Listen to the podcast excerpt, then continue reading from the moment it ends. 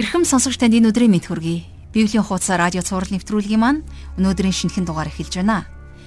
Тэгэхээр өнгөрсөн дугаарт бид иш үзүүлэгч Изекиэл Израилийн газар нутагт Бурхны тунхагласан шүүлт буух тухай мэдээг дамжуулж буй үйл явдлыг маш тод томрон ярилцаж харсан байгаа.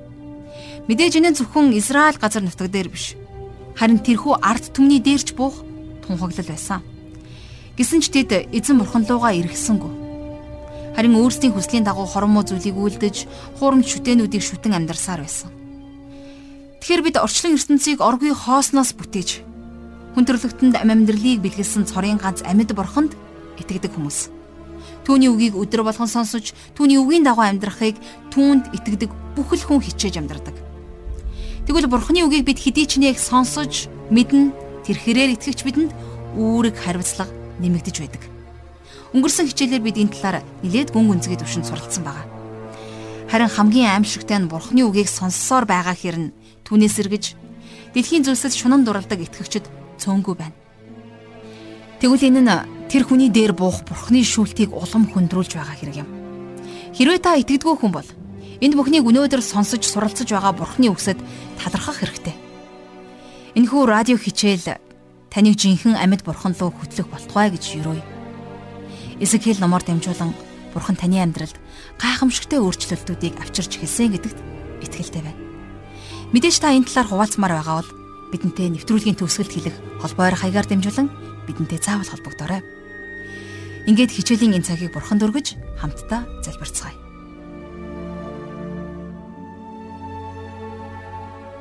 Бурхан аваа таньда шинэ өдрийн төлөө талархал магтаалыг өргөн залбирч байна. Энэ өдөр бид таны үгийг судалж, таныг улам илүүгээр таньж мэдхийг хүсэж байна. Бидний амьдрал тохиолдог альва зовлон бэрхшээлийн дунд бид танаас холдон огоор хөш, харин тань руу улам илүү ойртон тантай нөхрөлдөг итгэгчд байхад та үгээрээ дамжуулан бидний дотор ажиллаач. Эзэм нь бид итгэлийн амьдралдаа тууштай байхад та биднийг урамшуулан ятгах өгөөч. Изекелийн энэхүү хичээлээр дамжуулан таны үг итгэдэггүй хүмүүсийн зүрхэнд хүрч Таны авралын замыг эрен хайх аяллаа эхлүүлэх болтугай гэж би нийт сонсогчдыг өрөөж байна. Бид таны үгийг улам илүү ойлгохын тулд ариун сүнсээрээ энэ цагийг та удирдах өгөөрэй. Таны хайртай хүү бидний их эзний нэрээр залбирanгуйж байна. Амен. Ингээд хамтдаа жаргалах шиг хичээл анхаарлаа хандуулъя.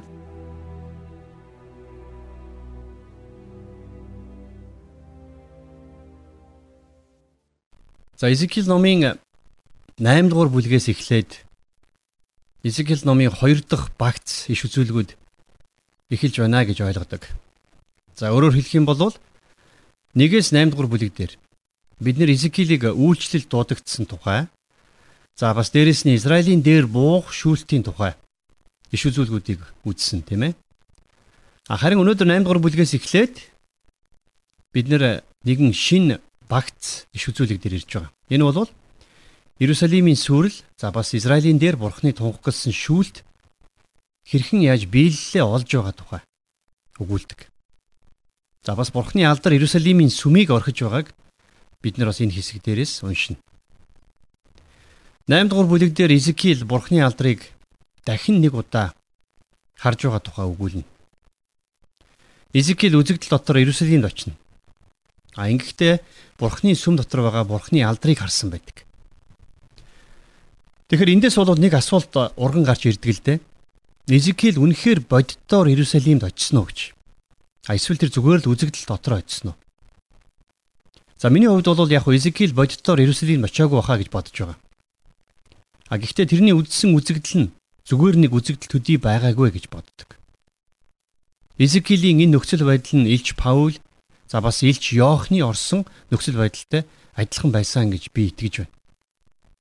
2 дугаар Коринтын 12-ийн 1-ээс 3 дугаар ишлэлдэр Паул хэрхэн яаж 3 дахь тэнгэрт аваачигдсан тухайга бичсэн байдаг тийм ээ. А би хувьдаа болохоор Паул энэ үзэгдлээ Галатийн нутагт за Лустр хотод чулуугаар шидүүлж үхлүүд хөвтөгттэй үдсэн байхаа гэж таадаг. Хүмүүс Паулийг чулуудаад тэрнийг үгсэн гэж бодоод хаяад явсан байна. За магадгүй Паул үнэхээр үгсэн ч үж магадгүй. Хэрвээ тийм байсан бол Бурхан тэрнийг үглээс амьлуулсан байж таарна. За Илч Йохан ч гэсэн бас Ичлэл номын 4-р бүлэг дээр тэнгэрт очисон тухайга өгүүлсэн байна. Тэгвэл Изекил яг энэ удаад Илч Паул болон за бас Илч Йоохны нэгэн адил дээш өргөгдсөн байхаа гэж би бодож байна. Тэгээд манер сүнс дотор Иерусалим хотод үнэхээр очисон. Харин Иерусалимд байсан хүмүүс Изекилийг тэнд байгааг мдээгүй. Харах боломжгүй байсан гэсэн үг. Угаасаа та бидний үзэж байгаа энэ бүх зүйлс Юр булсын үйл явдлын тухай өгүүлж байгаа учраас бид нар энийг игэл жирийн байдлаар тайлбарлах нь тохиромжгүй гэж би бодож байгаа юм. За ингээд энэхүү гайхамшигтай бас сонирхолтой үйл явдал яаж өрнөснийг хамтдаа одоо 8 дугаар бүлгээс үзье. 8 дугаар бүлгийн 1-ээс 2 дугаар ишлэл. 6 дахь оны 6 дугаар сарын 5-ны өдөр би гэртээ сууж Юдагийн ахмадууд миний өмнө сууж байлаа. Тэр үед эзэн бурхны мотор тэнд миний дээр буув. Тэгэхэд би харсанд үзэгтэн Хүний дүртэй төстэй зүйл үзэгдэв. Түүний ууц нуруунаас доошх нь гал мэт. Түүний ууцнаас дээшх нь улайссан төмөр мэт гэрэлтэж үзэгдлээ. За хамгийн эхлээд ойлгох ёстой нэгэн зүйл юу вэ гэхээр Изекилийг Израилийн ахмадуудын дунд сууж байх яг тэр үед энэ үзэгдэл тэрэнд үзэгдсэн байгаа тийм ээ. За 20 дугаар ишлэл дээр гарч байгаа энэ үзэгдэл бол тэрний 1-р бүлэг дээр бичсэн үзэгдэлтэй бол маш адилхан байна. Тэгэхээр Изекил номон дээрх үзэгдэл болгон Бурхны алдар дотроос Изекилд үзэгдсэн байдаг. Үнэхээр Бурхны алдар бол Изекил номын гол сэдв гэж би боддог. Тэгэхээр Изекил ном бол энэ талаараа яахын аргагүй Библийн хамгийн сүүлчийн ном болох Илчлэл номтой адилхан байдаг. Цааш нь 3-аас 4-р ишлэл дээр тэр гарын дүрс мэт юмыг сунган миний толгой дээрх туг үснээс барилаа. Тэгэхэд бурхны үзэгдлүүдийн дотор сүнс намайг газар тэнгэрийн хооронд өргөж Иерусалим руу авч яван дотор хашааны хойд хаалганы үүдэнд авчрав. Тэр нь атаархал төрүүлэгч атаархлын шүтээний суудал байрлах газар байв. Харагтун талд миний үдсэн дүрстэй адил Израилийн бурхны цог жавхлан нь тэнд байлаа. Мэдээж бурхан бол сүнс. Тийм учраас бурханд бол биднийг шиг гар байхгүй. А гэхдээ бурхны бүтээлүүдийн тухай өгүүлэгтээ бол бурхны гарын үйлс, гарын ур гэсэн үгсийг Библиэлд хэрэгэлсэн байдаг. За мэдээж бол ингэж байж иж бид нар бурхны бүтээлүүдийг илүү сайн ойлгож таньж мэдэх боломжтой. Тэгэхээр Библи бурхны тухай өгүүлэгтээ хүмүүн бидний хязгаарлагдмал ойлголтод тааруулж өгүүлдэгэ гэдгийг бид нар санах хэрэгтэй. За юу болсон гэхлээр зэрэг бурхан гарын дүрс мэт зүйлийг сунгаж түүний толгой дээрх туг үснээс нь барьсан гэж Изекиэл хэлсэн тийм ээ. За сүүлд нь бол Изекиэл өөрийнхөө бүх үсийг хуссныг та санаж байгаа бах. Гэхдээ энэ үзэгдэл бол Изекиэл үсээ хусснаас хойш даруй нэг жилийн дараа болж байгаа үйл явдал учраас за Изекиэлийн үс ургаж амьдсан байсан нь гарцаагүй. За энэ үзэгдэл дээр ингээд бурхан тэрний туг үснээс нь барьж авсан байна. За дараагаар нь Тэгэхэд бурхны үзэгдлүүдийн дотор сүнс намайг газар тэнгэрийн хооронд өргөж Иерусалим руу авч яван дотор хашааны хойд хаалганы үүдэнд авчирваа гэж хэлсэн байна. Бурхан Изекилийг өргөж сүнс дотор Иерусалимд аваачсан. За ингэж болвол Иерусалимд хүрэхдээ Изекил өөрийн биеэр очисон байж болно.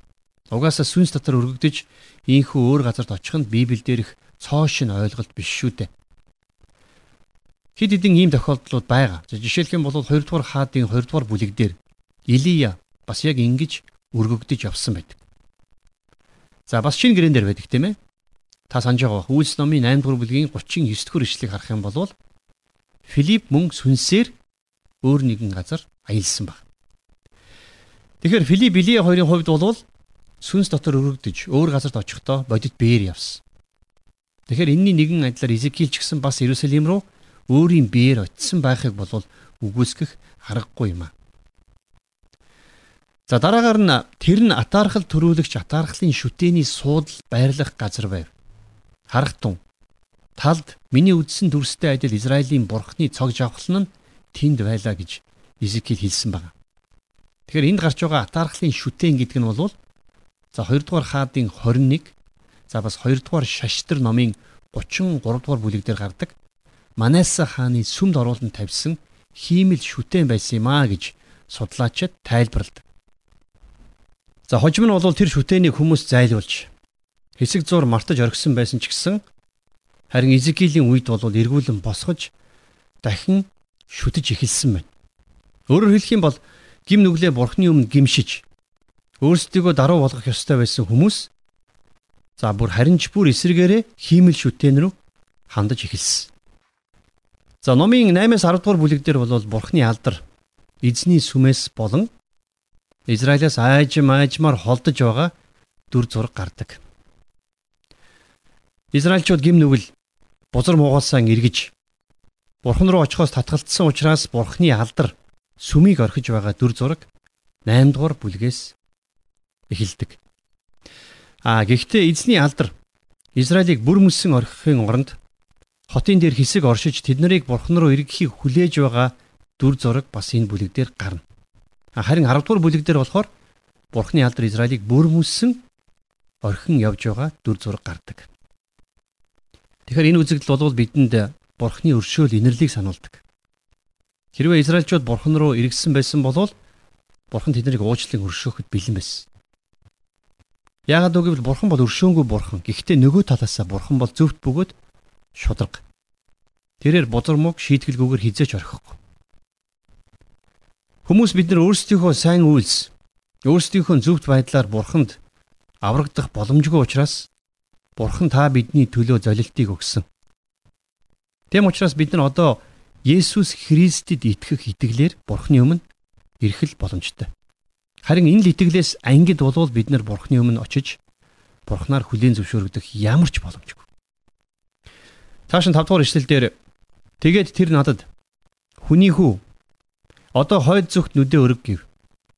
Тийхүү би хойд зүгт нүдээ өргөн харахад харахтун тахилын ширээт хаалганы хойд талд үүдэнд атаархлын тэр шүтэн байлаа. Тэгэхээр бурхны сүм ингэж бузарлагдсан байгааг бурхан Изекиэлд харуулсан байна, тийм ээ. Израильчууд цорын ганц үнэн амьд бурхнаа хүндлэн дээдлэхийн оронд хиймэл шүтэн рүү эргэж Бурхны 10 тушаалын хамгийн ихний 2 тушаалыг зөрчсөн байсан. Цааш нь 7-оос 9 дугаар эшлэлдэр дараа нь тэр намайг хашааны үүдэнд авчрав. Намайг харахад тэнд хананд нэг нүх байла. Тэр надад хүний хүү чи одоо ханыг нүхэл гэв. Тиймээс би ханыг нүхэлэхэд харахтун нэгэн үүд байна. Тэгээд тэр надад дотогш орж тэдний энэ үйлдэж байгаа ёрын жигшүүрүүдийг хар гэлээ. За энэ үзэгдэл дээр болохоор зэрэг бурхан Изекилийг хан нүхэлж дотогшоо орохыг тушаасан. За магадгүй Изекил сүмийн доорх зойрны хэсэг ч юм уу эсвэл агуулгын тэрхүү хэсэгт орсон байж болох юм. А тэгээд тэнд Изекил яг юу олж харсныг 8 дугаар бүлгийн 10 дугаар эшлэлдэр ингэж бичсэн байна. Тиймээс би орж харахад үзэгтэн мөлхөгчдийн аливаа хэлбэр аратан амьтад мэджигшүүрт зүйлийг Израилийн гэрийн хамаг шүтэнтэй хамт эргэн тойрондох ханан дээр сийлсэн байлаа. Тэд нэр бүтээгч бурхнаа биш харин бүтээлүүдийг нь шүтэн мөргөж байсан. Хүмүүс цорын ганц үнэн бурхнаас холдох үед яг л ийм байдал руу халтран ордог. Гитлэл номын үед Израильчууд Египтэд тэдний шүтэнүүд болсон янз бүрийн амьтдыг шүтдэг байсан. А тийм ч учраас Египтийн дээр бурхны буулгасан гамшигуд нь бүгдээрээ тэдний шүтдэг бурхадтай нь холбоотой байсан. Энэ талаар хожим Паул Ромотынд бичсэн загталтаа 1-р бүлгийн 21 болон 25 дугаар ишлэлдэр ингэж бичсэн байдаг. Тэд нар бурхныг мэдсэн мөртлөө бурхан гэж түүнийг алдаршуулсан ч үгүй. Түүнд талархал өргөсөн ч үгүй. Тэгээд ч тэд бодол санаандаа хоосорч ухваргүй зүрх нь харанхуй болжээ. Учир нь тэд бурхны үннийг худал хуурмгаар сольж бүтээгчээс илүүгээр бүтээлд нь мөргөн зарагджээ. Бурхан бол үрд магтагдах бүтээгч мөн. Амен гэж бичсэн баг. Тэгэхээр эндээс харах юм бол байна. Израильчууд бурхнаасаа эргээ зогсохгүй. Иргэн тойрныхоо үндэстнүүдийн нэгэн адилаар худал хуурмаг шүтээнүүдэд бүрэн автсан байсан. Тэгээ яг л энэ шалтгааны улмаас бурхан тэдний сүмийг нураах болно гэдгээ хэлсэн байна. 11-ээс 12 дугаар ишлэлдэр урд нь Израилийн гэрийн 70 ахмад мөн дунд нь Шафаны хүү Язинатай зогсож байв. Хүмбэр гартаа бойпер барьж англин үнэрт удлахан үүл суунаглан байв. Тэгээд тэр надад хүний хүү чи Израилийн гэрийн ахмадууд харанхуйд хүмбэр сийлмэл хөргийнхөн өрөөнд юу үлдэж байгааг харав. Нь тэд эзэн биднийг хардаггүй. Эзэн энэ нутгийг орхив химээдэг гэвэ. За тэгэхээр энэ үзэгдэл дээр болохоор Израилийн гэрийн ахмадууд хүртэл бурхныг үл тоож. Тэгээд бурхан тэднийг мартаж оргисон гэж тэд нар ярьж байсан байна, тийм ээ. Тэд нар нэгэнд бурхан биднийг оргисон юм бол өөр бурхад руу эргэцгээе гэж байсан. Өнөөдөр ч гэсэн бас бурхан гэж байхгүй эсвэл бурхан үхсэн гих мэтэр ярьж цэцэрхэж байгаа хүмүүс яг л энэ хүмүүсийн адил хандлагыг гаргаж байдаг. Тэд нар юу гэж боддгоо гэхээр хэрвээ нэгэнд бурхан биднийг оргисон юм бол бид нар бурханд ямар ч өргүй. Бид нар өөрсдийнхөө хүсснийг хийх болно гэж ярьцгаадаг. Израильчууд яг л ийм хандлагаар амьдарч байсан. Израилийн гэрийн ахмадууд хиймэл шүтээнүүдийг шүтэж, тэрнийг нууцаар дахин шүтэж, түүндээ утлаг уугулдаг байсан. Бурхны сүм дотор тэд нууц өрөө гаргаад тэндээ хуурамч шүтээнүүдэд шүтэж байсан. Өнөөдөр итгэгч та бидний бие махбод ч гэсэн Бурхны ариун сүнс орших сүм. Тэгэхээр таны бодол санаа, таны зүрхэнд байгаа тэр бүх зүйлс Бурхны мэлмид тааламжтай байгаа болов уу гэж өөрөөсөө асуугаарай. 14-өөс 15 дээр тэр надад гисэн ч чи тэдний үйлдэж байгаа илүү их жигшүүрийг дахин харах болно гэлээ. Дараа нь тэр намайг эзний өргөөний хоошоо харсан хаалганы үүдэнд авчирлаа. Харах тун Эмэгтэйчүүд Тамозины төлөө уйлан тэнд сууцгааж байв. Тэр надад хүний хүчийг харсан уу гэсэн ч чи эдгээрээс ч илүү их жигшүүрийг дахин харах болно. За Тамоз гэдэг энэ гарсан энэ үг бол Вавилоны Дүмүс буюу хаврын бурхны нэр. Тэгэхээр тухайн үед бол Дүмүс бурхныг шүтгчд намар болон өвлийн удиралд Дүмүс бурхан үхэж за газрын гүнд ордог харин хавар болохоор иргэн амилж зуны дэлгэр цагийг авчирдгаа гэж итгэдэг байсан. За энэ хүү дүмүс бурхныг шүтэх шүтлэг эртний фойник болон грект түгээмэл байсан гэж түүхчид өгүүлдэг. Тэгэхээр энд гарч байгаа Израиль эмэгтэйчүүд энэ бурхны үхлийг тэмдэглэн уйлж суусан байна, тийм ээ. Энэ бурхныг шүтгчид янз бүрийн ёс бус зан үйлдэлүүдийг үйлддэг байсан гэж түүхчид бас үздэг. 16 дугаар ишлэл дээр Дараа нь тэр намайг эзний өргөөний дотоод хүрээнд авчрав.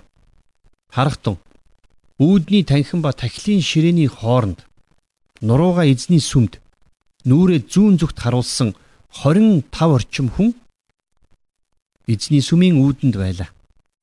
Тэд зүүн зүг тийш наранд мөргөж байваа.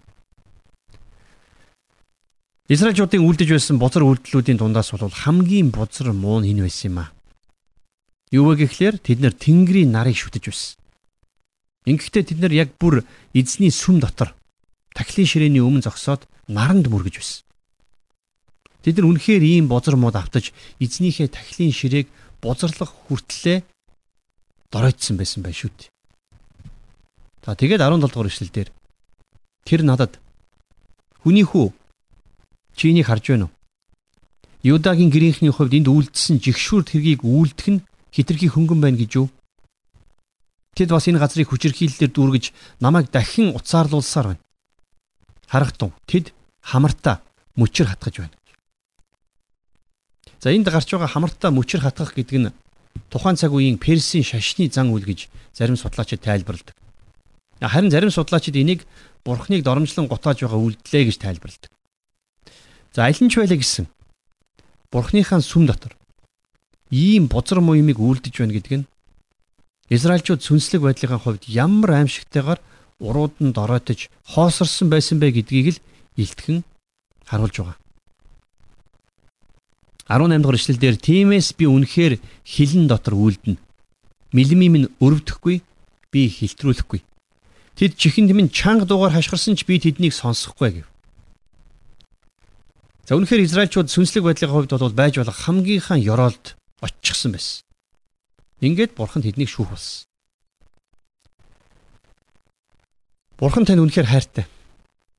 Хэрвээ та бурхны өмнө итгэлээр ирэх юм бол Есүс Христийг өөрийнхөө аврагчаа болгон хүлээж авах юм бол тэр таныг авралдаа багтаана. А гэхдээ нөгөө талаасаа бурхан бол шүүгч. Бурхан гим нүглийн ариун байдал болоод зөвхт байдал дотроос шударгаар шүүх болно. А тэглээгээд бурхан эннийхээ төлөө хинээс ч уучлал гуйхгүй. Бурхан гим нүглийг гарцаагүй шүүх болно гэдэгт бид нар итгэлтэй байх ёстой. За харин одоо бидний үргэлжлүүлэн үзэх 9 дугаар бүлэг дээр бол Бурхны алдар Иерусалимийн сүмийг орхиж байгаа тухай гарна. За хамтдаа 1-с 3 дугаар ишлэгийг уншийе. Харах тун 6 эрэгтэй хүн тусбар гартаа химхлэг зевсгийг барин хойд зүгт харсан дээд хаалгаар орж ирэв. Тэдний дунд майланган хувц өмссөн бүслэхийдээ бичгийн хэрэглэлтэй нэгэн хүн байв. Тэд орж ирээд хүрэл тахлын ширээний дэрэг зогслоо. Тэгэд херүүбийн дээр байсан Израилийн бурхны цог жавхлан нь түүнээс дээш хөөрч сүмийн босхонд ирэв. Тэр бүслэхийдээ бичгийн хэрэглэлтэй майланган хувцас өмссөн хүнийг дуудлаа. За энэ үзэгдэл дээр гарч байгаа 6 эрэгтэй хүн гэдэг нь бол гарцаагүй бурхны тэнгэр элч нар. Энэ дэлхийг бурхан шүүхтэй тэнгэр элч нараараа дамжуулан шийтгэлээ буулгадаг байсан. Бурхан энэ дэлхий дээр өөрийн хаанчлалыг байгуулах үедээ бас л Тэнгэр элч нараа илгээнэ. Матай 13-41-р эшлэлдэр Есүс хэлэхдээ хүний хүү Тэнгэр элч нараа илгээхэд тэд бүдрүүлэх бүх саад ба ёс бусыг үлдгчийг түүний хаанчлалаас гаргаж бөөгнүүлнэ гэж хэлсэн байна. За тэгэхээр энд Хизекиэл Херүүбийн дээр байсан бурхны алдар өргөгдсөн гэж үгүүлсэн нь За бурхны алдар сүмийг орхиход бэлэн болсон байсан гэсэн үг тийм ээ. За дөрөвдүгээр эшлэлдэр эзэн түүнд хотын дундуур Иерусалимийн дундуур явж энэ дотор үйлдэгдэж байгаа хамаг жигшүүрээс болж санаа алдаж ёолон байгаа хүмүүсийн духан дээр тэмдэг тавиа гэв.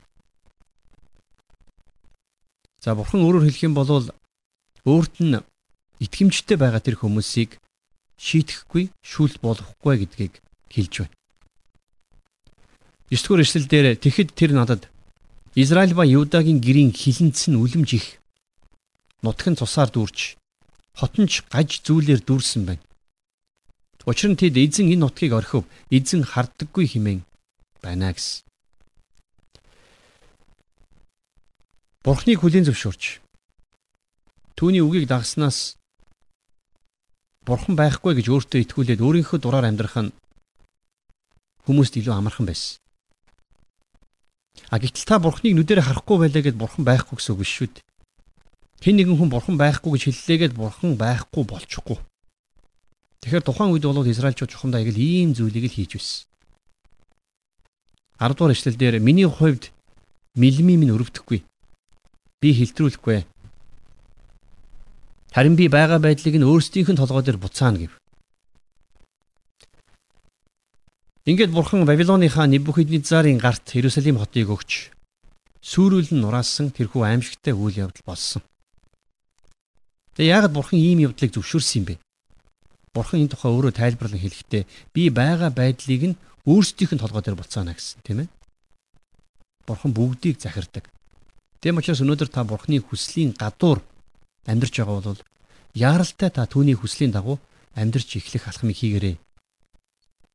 Хэрвээ хээр хөдөө баавгай ч юм уу ямар нэгэн араатай амтантай таарах юм бол мэдээж хүн бошуухан замаас нь зогтон шүд. Энийний нэгэн адилаар бурхны шүүлт эргэлт буцалтгүйгээр ирж явна. Харин та тэрний замд хөндлөсөөгүй танд үлзэт. 11-р ишлэлээр өнөөдрийнхөө хичээлийг жаргая. Дараа нь харах тун бүслэхийдээ бичгийн хэрэгэл бүхий майланган хувц өмссөн өнөөх хүн хэргийг мэдүүлэн таны надад тушаасан ёсоор би гүйцэтгэв гэвэ. За ингээд Тэнгэрлэгч бурханд итгэмжтэйгээр үлдсэн үлдгэсдийг тэмдэглэж өгч дууссан байна. Өөрөөр хэлэх юм бол бурхан тэднийг шийтгэл гай гамшигаас хамгаална гэсэн үг. Би дахиад хэлье. Бидний бурхан бол өршөөнгүй бурхан. Хэрвээ та бид нар бурхан руу эргэж бурханы өмнө даруугаар гимшилтэйгээр ирэх юм бол Бурхан биднийг өршөөнө. Харин энэний нөгөө тал нь Бурханы шүүлт гарцаагүй ирдгээ. Дараагийн хичээлээр эргээд уулзъя.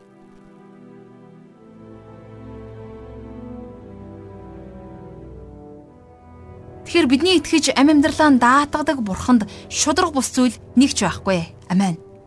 Тэгэхээр бид өнөөдрийн хичээлээр Израильчууд өөрсдийн бүтээгч бурхныг биш харин түүний бүтээлүүдийг шүтэн мөргөж байсан аимшигтэй дүр зургийг харлаа. Энэ сургамж өнөө цагийн итгэгч бидэнд огт хамааралгүй зүйл биш юм. Хэрвээ та бид цорын ганц үнэн бурхнаасаа холдох үед яг л ийм байдал руу халтраад гулсаад орох болно. Израильчууд бурхнаасаа эргээд зогсохгүй. Иргэн тойрныхоо үндэстнүүдийн нэгэн адил худал хуурмаг хоосон шүтэнүүдэд бүрэн автсныг сонсоод зүрх сэтгэл маань үнэхээр эмтрэн шимширч байлаа. Энэ дур зураг бол өнөөдөр ч гэсэн бидний иргэн тойронд улам илүү газар авсаар байна. Хин дуртай нь бурхан байхгүй тэр үгсэн бурхан байгаагүй гэж ярьдаг. Магадгүй тэд чадлынхаа хэрээр хашгирах болсон байна. Тэгвэл түүх бидэнд гашуун сургамжийг дахин сануулж байна. Өнөөдөр зарим маань замаасаа босож Израильчүүдийн нэгэн андлаар яг л тийм хандлагаар бурханд хандаж бузар муу гүйлдэн амьдарч байгаа нь үнэхээр гутамшигтай. Итгэгч хүмүүс бид бурхны ариун сүнс орших сүм дуган. Тиймээс та бид хамтдаа дэлхийн эсрэг зогсож өдрөөс өдөрт өсөж үржиж байгаа ёрын мөн сүнсний ажлыг таслан зогсоохын тулд залбирлаараа нэгдэх хэрэгтэй. Сүнс дотор соргог сэргэг байх учиртай. Израильчуудын хувьд өөрсдийнх нь дээр ирсэн зовлон бэрхшээлийн улмаас бурхан руу эргэхийн оронд химэл шүтэн рүү мөргөн түүнээсээ тусламж гуйсан. Тэд үүнээс болж өөрсдийнх нь дээр буух шүүлтийг гарцаагүй бий болгосон хүмүүс. Тэгэхээр Израильчууд өөрсдөө Бурхныг орхисон учраас Бурхны алдар тэднийг орхиж байгаа тухай бид өнөөдөр хичээлээс харлаа. Тиймээс та бид үүнээс сургамж авч итгэлийн амьдралдаа тууштай бөгөөд зоригтой байх хэрэгтэй. Аливаа зовлон бэрхшээлийн донд итгэгч хүн Бурханасаа холдож түүнийг огоор мартах биш. Харин Бурхантайгаа улам илүү ойртон нөхөрлөх учиртай. Бид итгэмжтэй үлдгэсэд мэд тууштай байх үед Бурхан биднийг аюул занлаас хормоо бүхнээс авран хамгаалах болно. Амен. Хамтдаа залбирцгаая. Хайр инэрлэр дүүрэн сайн хончин бурхан минь. Таньда энэ өдрийн хичээлийн төлөө талархал магтаалыг өргөн залбирч байна. Тийм ээ бурхан минь та бидэнд илчилж биднийг авралдаа багтаасан учраас баярлалаа аваа. Бид энэ л амьдралынхаа, энэ л авралынхаа замаар тууштай замнаж, эргэн тойрондоо байгаа ёс бус байдлаас үл хамаарч, бурханлаг, зөвхт амьдралаар амьдрахад та бидэнд туслаарай. Бид таны өмнө гимшдэг, таны өмнө даруугаар ирдэг хүмүүс байхад бидэнд туслаарай. Та бидний итгэлийн амьдралаар дамжуулан өөрийн яруу алдрыг алдаршуулаач. Бидний амьдрал таны алдар сүр жавхлангаар дүүрэн байхын тулд та биднийг ариун сүнсээрээ удирдан дагуулаарай. Бид танд оюун бодол, зүрх сэтгэл, ам амьдралаа өргөж, эзэн Есүсийн нэрээр залбирanгуйж байна. Амен.